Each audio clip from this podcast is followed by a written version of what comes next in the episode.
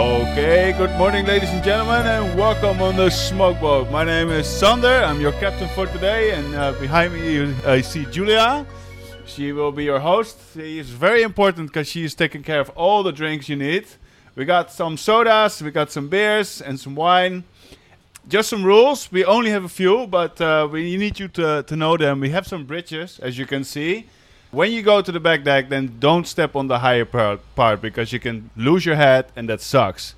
Next to that, we cannot smoke tobacco, unfortunately, but we have a substitute, and you can mix that with the joint. So enjoy yourself and get high. And uh, if you have any questions, then let us know, because we're locals and we know everything about Amsterdam.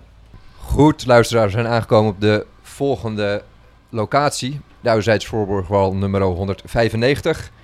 Hier ligt de smokeboot. Eh, als je het hebt over het varend cultureel Amsterdam erfgoed, nou, dan kon deze absoluut niet in het rijtje ontbreken. Bij het voorbereiden van deze aflevering over het Amsterdams varend cultureel erfgoed was samen met Ferry bezig om te denken van hey, welke boten willen we nu absoluut in dit lijstje hier hebben. En hier op de smokeboot komt toch wel veel samen waar Amsterdam voor staat, zeker in het ogen van de buitenlandse toeristen. Grachten, het varen, maar ook ons tolerante beleid als het gaat om softdrugs.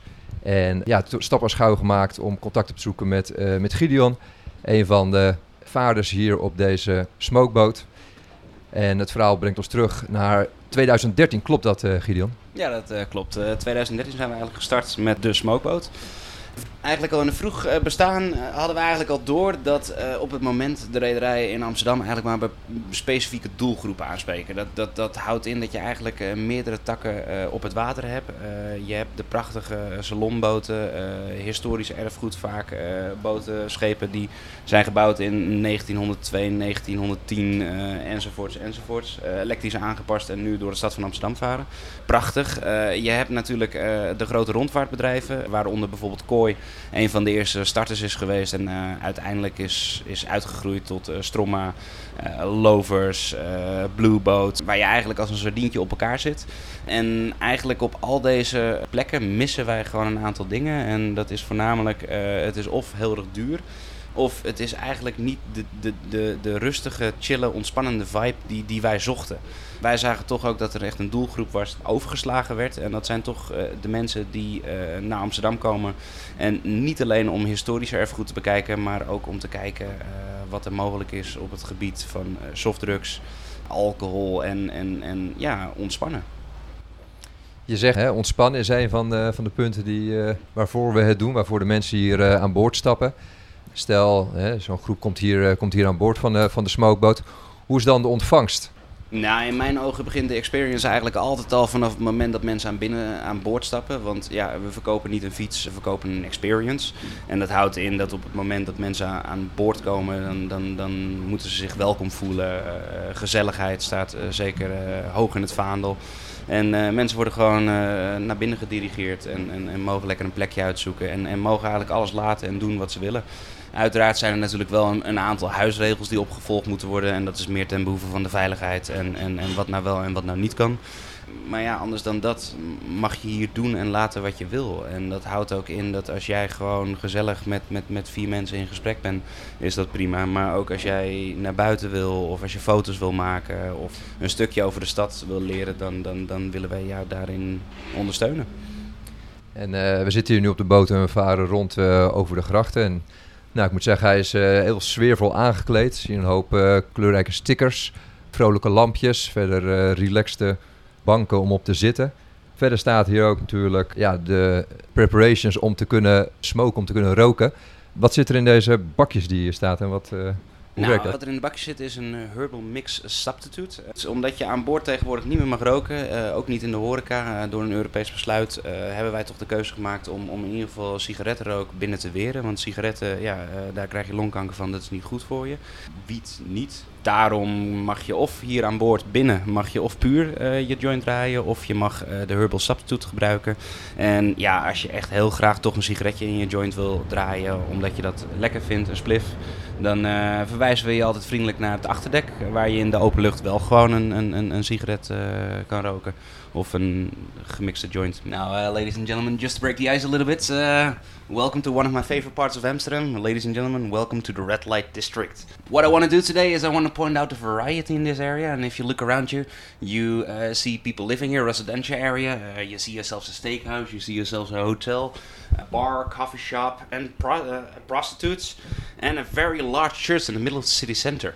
Actually, the cool thing about this big church is that it's actually the oldest church in the city, and that's why I also named the old church, because Dutch people are not very original with names. But what the cool thing about this church is, is those green doors over there.